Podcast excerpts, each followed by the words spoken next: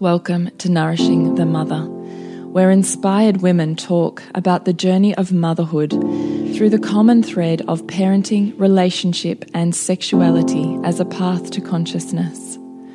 We ask, in what ways can we show up more fully, live more meaningfully, parent more wholly, and love more unconditionally? How can we mine the wisdom from the experiences of our lives and expand into those challenges? If you are here, you care about paving a path of conscious and intentional motherhood, connected with yourself and your gifts, and also illuminating your children in theirs, so we may raise more whole humans who can impact this world in a more humane way. And if you feel like giving a little back to this free content, please become a patron of the show and receive extra member benefits for less than a coffee a month. Or you can leave a review on iTunes and Facebook, all of which helps the podcast keep going and reach more mamas who need this type of tonic for the soul. Head on over to patreon.com forward slash NTM podcast to find out more. We are Julie Tenner and Bridget Wood, and we are so grateful you're here.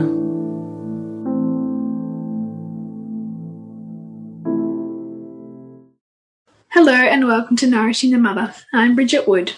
And I'm Julie Tenner, and today's podcast is Why Nourishing the Mother Matters More Than Ever. So, today, what we're going to be talking about and around and into is the concept of your own nervous system regulation having an influence beyond just your body and nervous system, what that means and looks like for our children, and how we can take our parenting to an even deeper level than perhaps where we even perceive we're um, at right now. Mm. So, it could be deep, it could be juicy, but before we do that, we would love to invite you to this week's podcast sponsor. Yes. So this week our podcast is sponsored by Happy Flame Handcrafted Beeswax. So the beautiful Anka and Peter operate their business, their really gorgeous heart centered business from the Northern Rivers in New South Wales. And they use only 100% Australian certified organic beeswax, which is free from synthetic pesticides, herbicides, hormones, and antibiotics. And what I love is that they work in partnership with 12 beekeepers and they have their bees spread across the rainforest, cattle country, farms, and coastline of the Northern Rivers, creating the best honey and the cleanest beeswax available in Australia.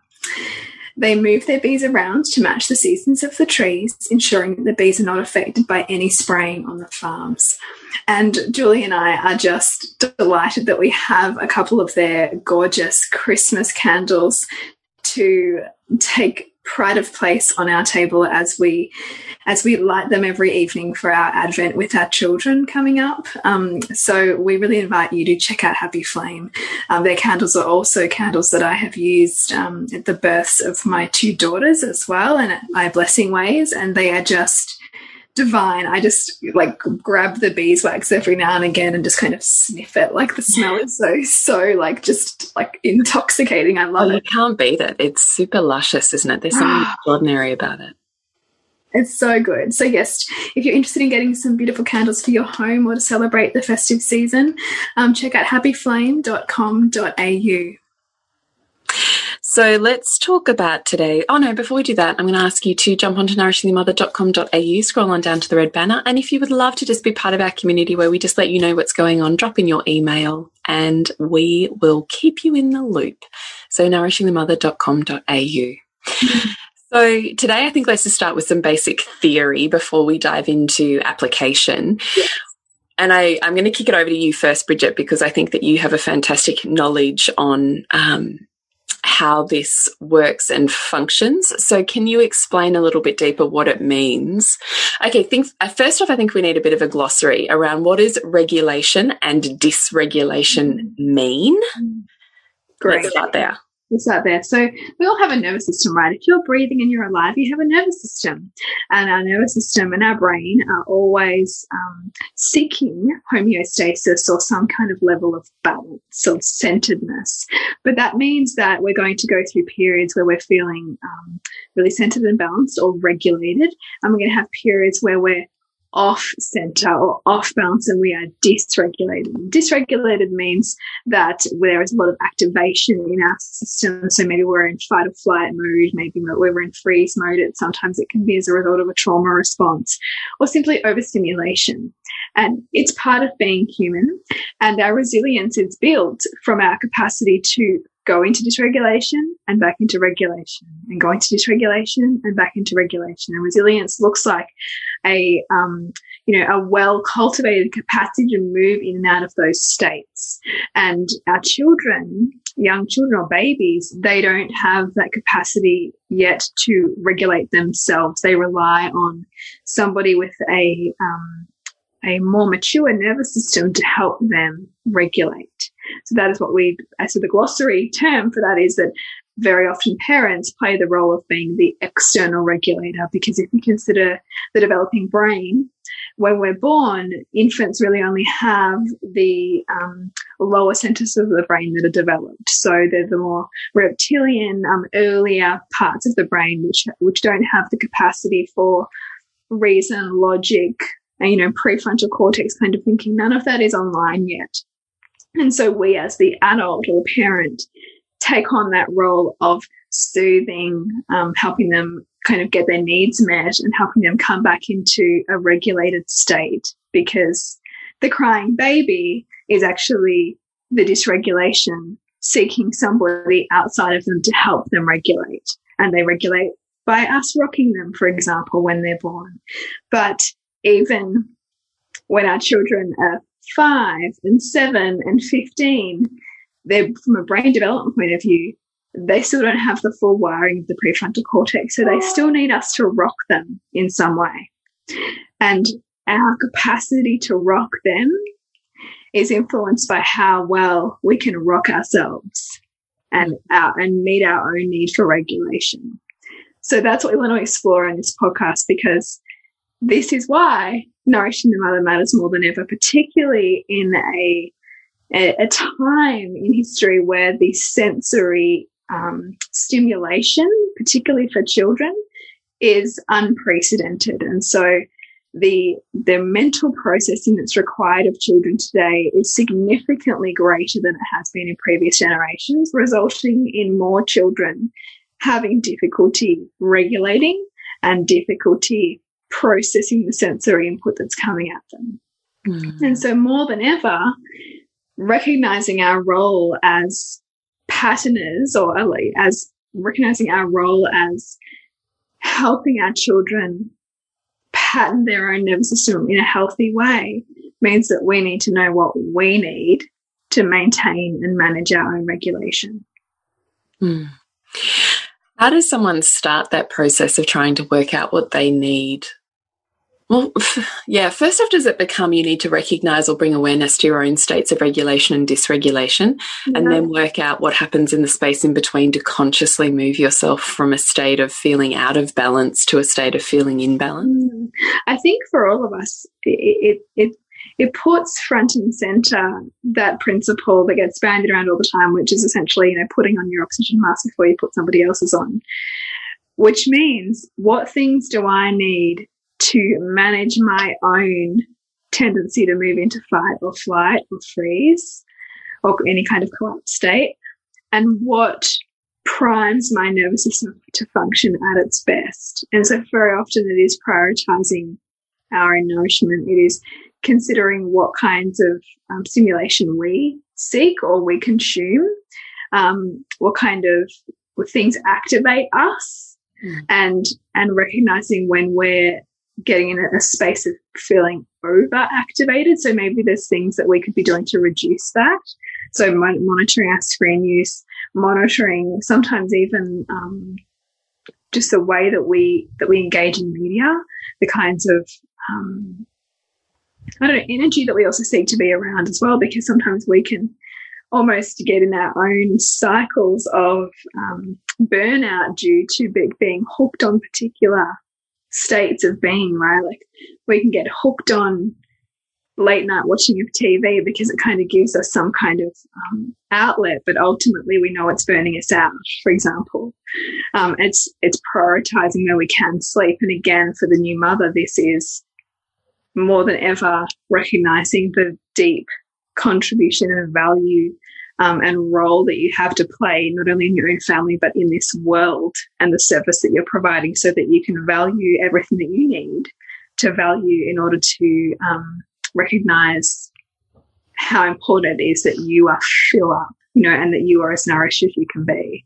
I just think it's, it's again, like, how do I most effectively resource myself to provide in the way that I'm providing for my family, um, and and us not, you know, and us really change the paradigm in a way to not simply accept the scraps, right, or or simply accept that um, we're expected to do it all on our own or exist um, with this within this really narrow bandwidth of of feeling good, you know.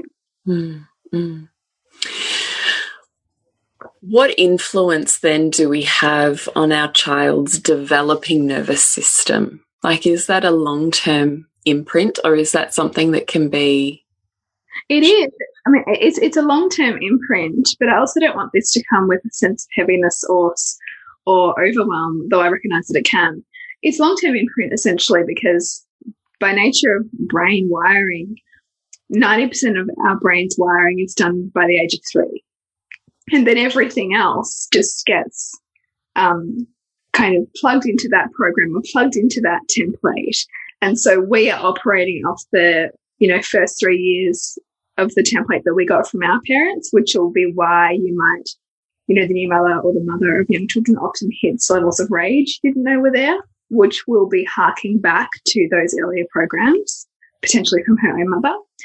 So it does really matter but we also know, of course, with neuroplasticity that there's enormous amounts of change that happens in the brain, you know, as we on the environment. Mm. the environment. But that this is why parenting is not simply just parents raising children, it's children raising parents because our kids are raising us to be who they need us to be in order for them to be parented. So it's this crazy kind of plug-in of of early templates that we've got and then what we're providing to our child and both people in that relationship are being asked to grow. So when we think about where we get taken to with our own child's um, dysregulation and what that means in our body and, and how we might deal with that, um, seeing that as an invitation to move to a higher order and to repattern our system to a higher order um, beyond where it is now, then means that we're changing our wiring. So it's so we're actually healing in the moment that we're bringing um, regulation to our system and giving our child an opportunity to pattern their system, which I think is beautiful because every moment then that we find our own regulation again when we're dysregulated, we're creating a new template or we're, we're rewriting our templates and we're giving our child a more elevated kind of baseline of, um, you know, regulation in their own system, which they can come back to and which is, which is where they, they kind of operate from as they grow and as their brain develops, which I think is like super cool. It is super cool. Can you find regulation in an environment that's dysregulated? It's harder because we're always, in every kind of relationship, we're always seeking somebody to help us regulate. So even in an adult, like, you know, you'll know what it's like when you say, say you, for example, you're catching up with a friend and you notice that with that particular friend, as soon as you're with them, you kind of begin to feel a bit lethargic. You're feeling a heaviness in your system. You're feeling kind of tired. You're feeling like you almost want to check out. And that friend is actually going through some periods of, of, um, you know, intense dysregulation as a result of perhaps anxiety or depression, for example. And you're feeling all of their states, like all of their nervous system state within you. And so you're actually being brought into their own dysregulation by being in an energetic kind of soup with that person. And so if you are regulated, you have the capacity to help them regulate and notice what it feels like and be a regulator for them, knowing that you have that capacity within your system. But if you're also highly dysregulated and you're with somebody else who's highly dysregulated, it's unless somebody is there willing to externally regulate the other person, you can both end up in this place of of overwhelm and, and not unable to move out of it. And that's why any sense that any human is an island is illusory because we're all co-regulators for each other. And that's why our environment matters because the question really needs to be, how can I create an environment that is supportive for me to, um, you know, be regulated here or, or, or find somebody within that system to help me come to a level of regulation. And of course, you know, the nature of being human means that through tragedy and trauma, we're going to experience periods of dysregulation. But hopefully, even during those times, there's going to be some carer or somebody who is able to come into that relationship and offer um, an opportunity to find some regulation and to find a level of healing in that nervous system that means that there's more resilience built to then be again be a regulator for a child, for example. Does that make sense? It makes sense to me. I mean, I hope it makes sense to our listeners because if it doesn't, dear beautiful listener, please contact us on socials or email and let us know your questions so that we can answer it more thoroughly in a future podcast. We would mm -hmm. really love that opportunity. So please make sure that if it does fly over your head or you think, oh gosh, it brings up this question for me, please don't hesitate to email it or, you know, whichever way, social it to us so that we can have the opportunity to help you take your practice a little bit further. So mm -hmm. please do that taking a quick break in today's podcast to tell you about Flow Mind Body Mothering. It's a new offering from me at Suburban Sandcastles to really um, package up and, and create a beautiful space for you to tap into what I see are the three key areas that we can build our toolkit in in order to create more flow and more ease in our mothering and understand at a deeper level that um, the neurobiology of motherhood and also how much our spaciousness matters and how to create that for ourselves. So it's going to be a package of three short trainings and worksheets for you to really explore and expand yourself in your world. And you'll be able to purchase those individually or all together, get all three for $88. So head over to suburbansandcastles.com to check it out. What does that look like for you to create an environment that is supportive to your regulation? I think this is about knowing what it, what, what um, we're such feeling sensing beings, right? And so we, our environment shapes us and we shape our environment. And so intuitively, I think a lot of us know what, what feels good for us in our homes, for example. So I know that my nervous system is um, better able to come to a regulated place when there's not stuff everywhere and there's not this sense that my house is screaming at me. Um, and that I have a, a, level of order in my external environment um, mm. that I have a sense of um, being able to, you know, affect my environment in some way. And so I think that this is why, like, you know, those suggestions that, that say, oh, you know, to mothers, don't worry about the dishes and like, doesn't matter if your house is messy because, you know, it's just you've got to be with your kids when they're little. I don't think that that actually keep, takes into account um, what can happen to some people's nervous systems when they're in a chaotic environment. It can be very, very difficult to find a level of regulation in that. And then it's even more difficult when you add dysregulated children on top of that because mm. children live in dysregulation, like because they haven't developed yet to be more regulated, they're living in a world of dysregulation, which is also why parenting can be exceptionally challenging sometimes because we're constantly being pulled into that dysregulation with them. Mm. And it's it's our capacity to you know, have one foot in their dysregulation and, and feeling them, but also having a foot in our own sense of regulation and capacity to be an anchor for ourselves and for them. mm. as well and not lose ourselves in them. So I think that, you know, prioritizing what you need to feel good in your environment and feel nourished by your environment is powerful. Mm. And that can mean that maybe you do need to set some boundaries in relationships with people in your home, um, you know, maybe with your partner around you know, how you each contribute to an environment that helps everybody thrive and that is nourishing everybody's nervous systems. And, it, and that really means tuning into each person's values. So my husband has a really high value on a clean kitchen. I don't as much as him, for example.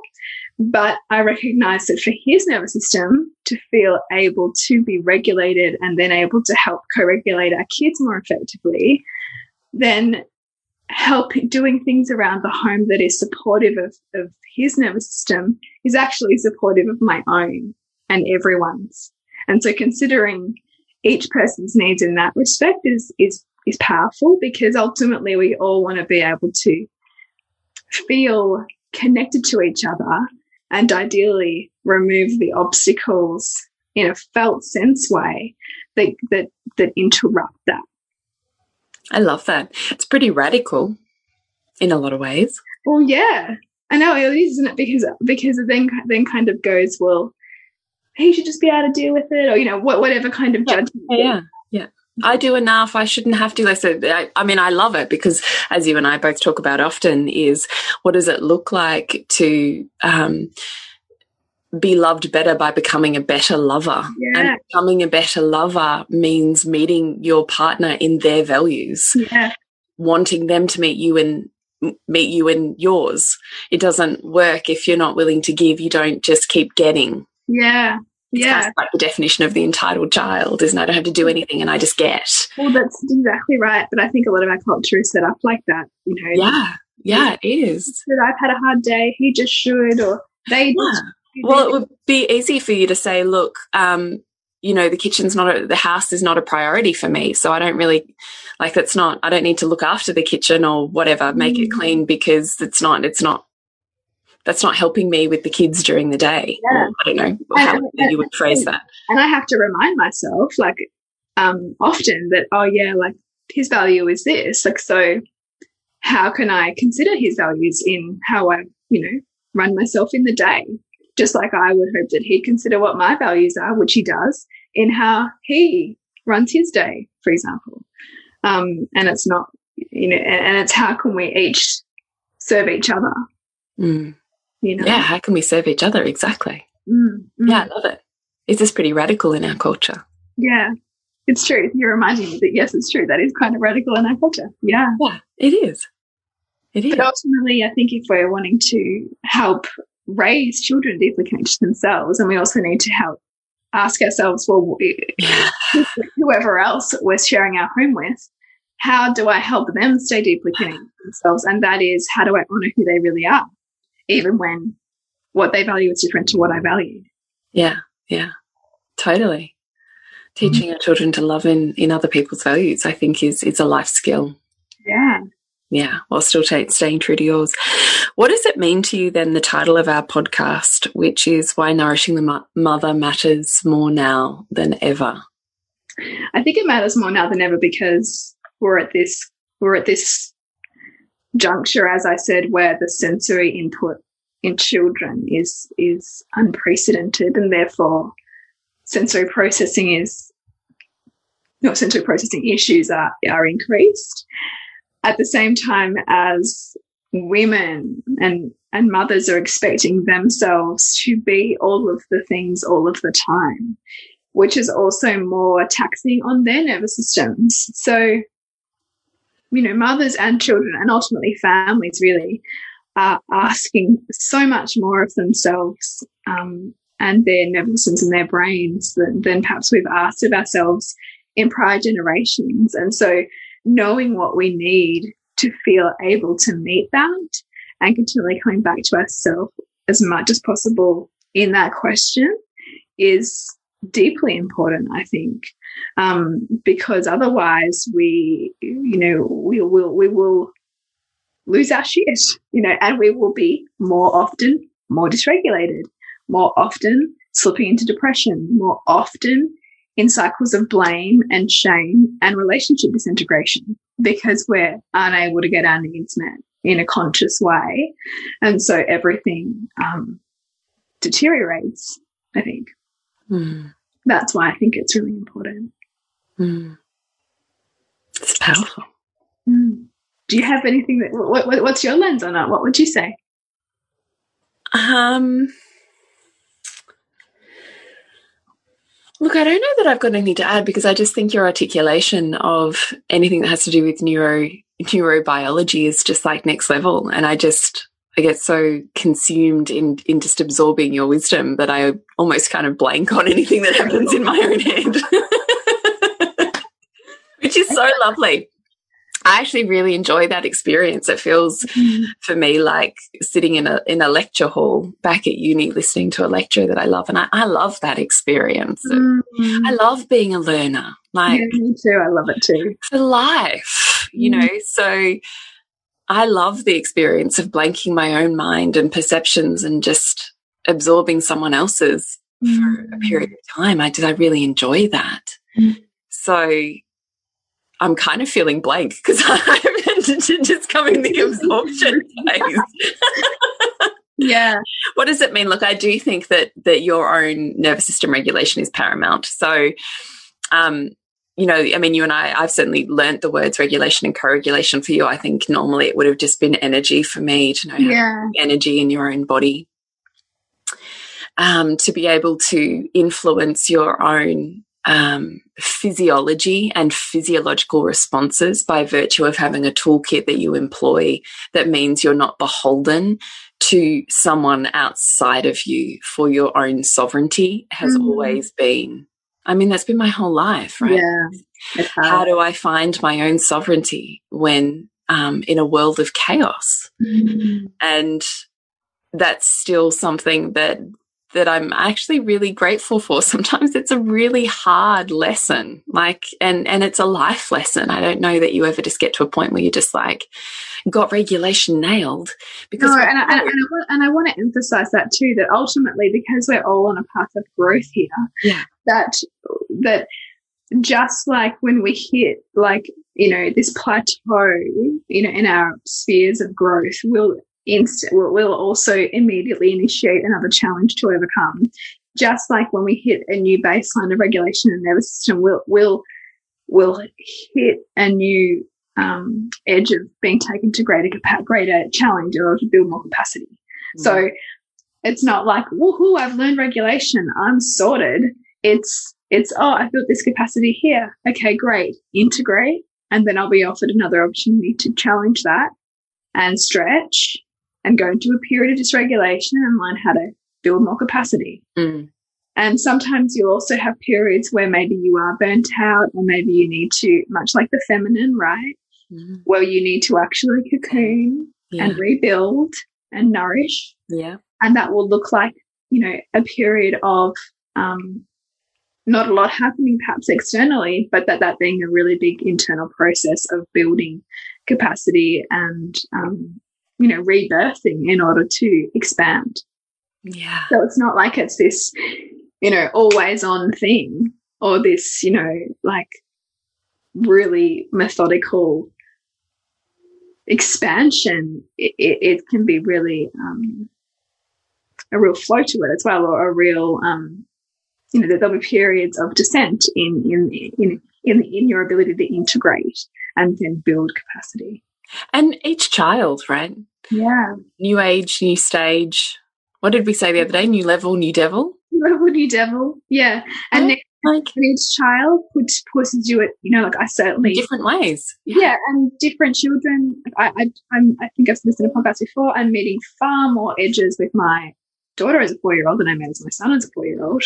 So, you know, like different children push different edges and we're in, it's a continual invitation to um, feel and meet that and move with it and develop your tools and expand.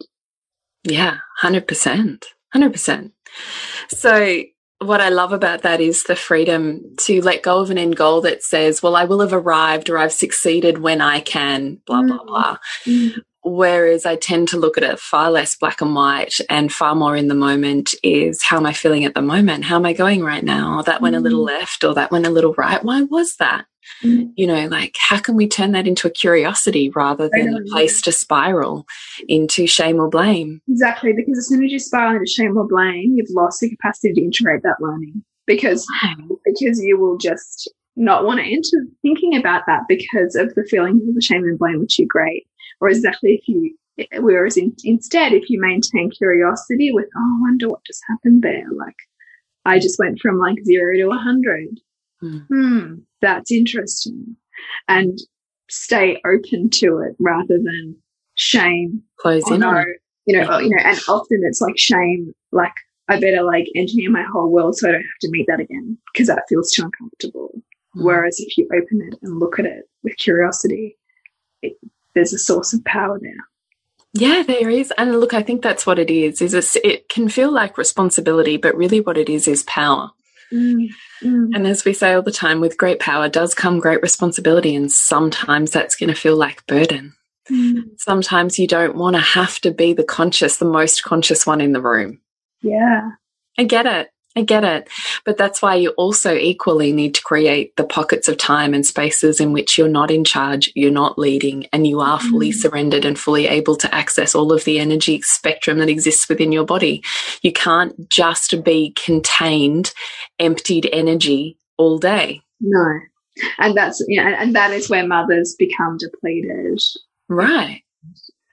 So if you know that that's how you wish to be in motherhood, which again, you know, you and I have spoken about before, being very much a masculine art form, that ability to have mastery over the physiology, to be able to empty out and ground down and, you know, um, hold the space. That's very much a masculine art form to be able to take mm. chaos and turn it into something that's very controlled and mm. soothed and cooled and it's a masculine art form. It's a magnificent one. But if you know that you are fully employing that in your motherhood and that is 12 hours a day, then where are you counterbalancing that with a feminine? Because or else she's going to come out firing and your mm-hmm. dysregulation is going to be pretty brutal. yeah. I love that you've mapped that because it's so true. Yeah. You have to create space for both because you are both. Mm. You're not one or the other. But what we're offering here is, is a pathway to power that says you're not at the mercy of an environment. Your nervous system isn't. Mm. You're not at the mercy of your past experiences or traumas. Your nervous system can be rewired and repatterned at any mm. point in time. Mm.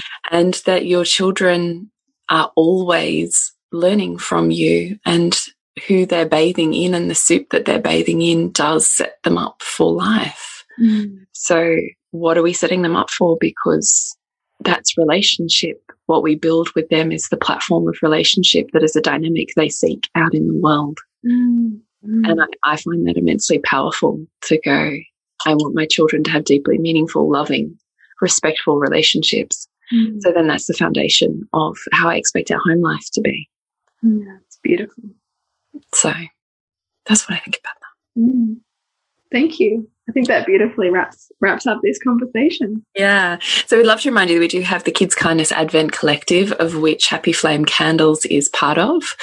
So if you're really after a community of like-minded women who are just really interested in creating a whole load of random acts of kindness with their kids as an Advent activity every day, and it gets to be easy. We've got a PDF with all the ideas, a group that helps keep you inspired. We're always a week ahead of our kids' Advent, so there's plenty of time, space, and capacity for you to give your kids the type of festive lead in that teaches them about a humanitarian spirit and the gift of giving, mm. in which, of course, you receive as well, then that's definitely the place for you. It's $22 for one person for the four weeks or 33 bring a friend. And it's 33 for the two of you. So you can find all of that on our website and on our socials, the Kids Kindness Advent. And something else special that you want to tell our listeners about? Thank you, Bridgie. Yes, my book, Flowers and Honey, The Art of Relationship Desire, uh, I said that around the art of relationship, love, and desire. I can't even getting my words twisted That's now. That's it. it comes out on December the 5th. So you can pre purchase the ebook for US 99 cents, or you can wait till the 5th of December and you can purchase the book, um, the printed version. So on any of the normal platforms that you would be able to order a book online, and certainly I'll be able to have them through my website by then too. Mm. So please, I would love for you to bring back and reclaim your power, speaking of nervous system regulation, and capacity to initiate polarity and desire in a relationship that's that's completely irrespective of how many children or how long you've been together or just family inc and life inc. Mm. That you get to have that power and capacity by reclaiming your own feminine and deeply understanding the movements of the masculine. And that's what this book is dedicated to. Mm, it's beautiful. So to connect with you, Jules? Is julietenner.love. And to connect with you, Bridget? suburbansandcastles.com. Remember to nourish the woman to rock the family. And we'll see you next week when we continue to peel back the layers on your mothering journey. And if you want to support Nourishing the Mother and all the late nights, the early mornings, the blood, sweat, and tears we pour into our art, then please go to patreon.com forward slash NTM podcast and become our patron. As a patron, you're helping all of the cost of operating this podcast, the hosting, the editing, the transcription, helping all of that be completely covered, and joining a community who are all about honouring our journeys and continuing to open. The more support we have, the longer we can last. So become a patron. We'd love to have you. Go to patreon.com forward slash NTM podcast. We literally couldn't do this without you. Thank you so much for listening, and please share this podcast with anyone you think it would be medicine for.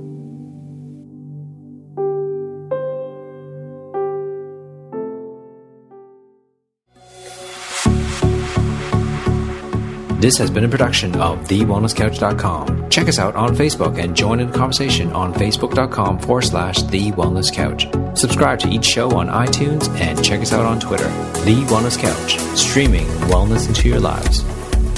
Whilst the Wellness Couch presenter endeavor to provide accurate and helpful information to their listeners, these podcasts cannot take into account individual circumstances and are not intended to be a substitute for health and medical advice from a qualified health professional. You should always seek the advice of a qualified health professional before acting on any of the information provided by any of the Wellness Couch podcasts.